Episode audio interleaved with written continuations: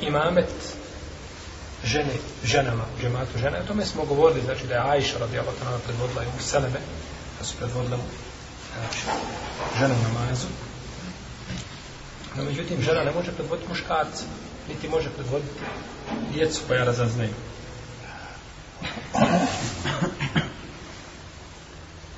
U riječi poslanika Salosrne, neće uspjeti narod koji a, povjeri tu odgovornu funkciju odgovornu funkciju ženama. Misli se prvenstvo ovdje na hilafet, a i na druge funkcije koje su odgovorne. I ovo ovaj je stav džumhura, selefa i halefa, prvih i posljednjih potonjih generacija. I nije došlo u sunetu poslanika, sa ovo ništa što ukazuje da bi žena mogla šta? Predvoditi muškarce u, u namazu. Niti je to bilo poznat, znači, u vrijeme ashaba i tabina. I poslanik, kao sam učinio, je a, safove žena iza safova muškaraca. Iza, iza ša, safova, znači, muškaraca. I žena je avret, pa nije dozvoljeno da bude šta?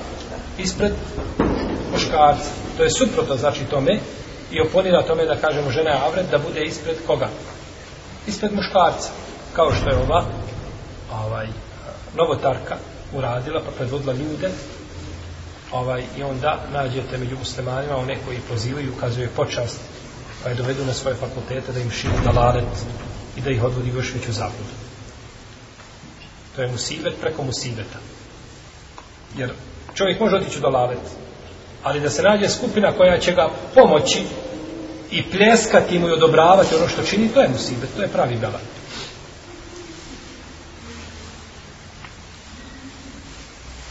I nije dozvoljeno kazati, osnova je da je šta? Da je dozvoljeno. Daj mi dokaz da je zabranjeno. Pa da je bilo dozvoljeno, ko je bio učenio da Aisha radi Allah I bila je majka svih vjernika, što ih nije bar jedan put predvodila, na teraviji, ako ne nigdje.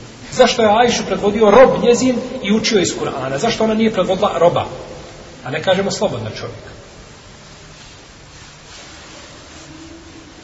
I ljudi kažu daj dokaz, daj dokaz. U redu, dokaze treba tražiti, tačno, to je svakako. Neke stvari imaju da su jasne kod dana.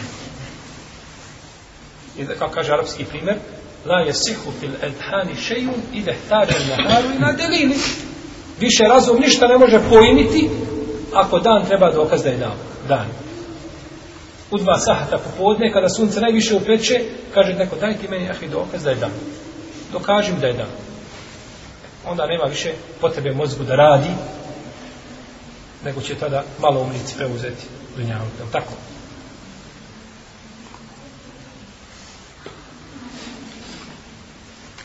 Kaže poslanik u Hadisu, jer dostojem, je tako?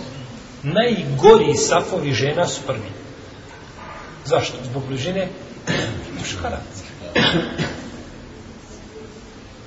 A šta mislite, kakva je, kakva je žena koja stane ispred muškaraca i pred I kakav je i namaz muškarca kome je žena ispred njega čini seždu. Ili ruku, i slično tamo.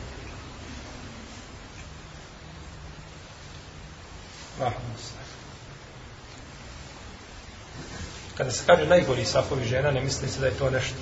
Najgori se misli ovdje najmanje vrijedni. A ne najgori u smislu da žena ne treba stane tu dođu sad zato žene kada se ulaze u džamiju i sapaju se one ne idu naprijed one počinju odakle pozada mi počinjemo od ozga one počinju od ozda pa naši oni zadnji su najslabiji a njihovi su prvi najslabiji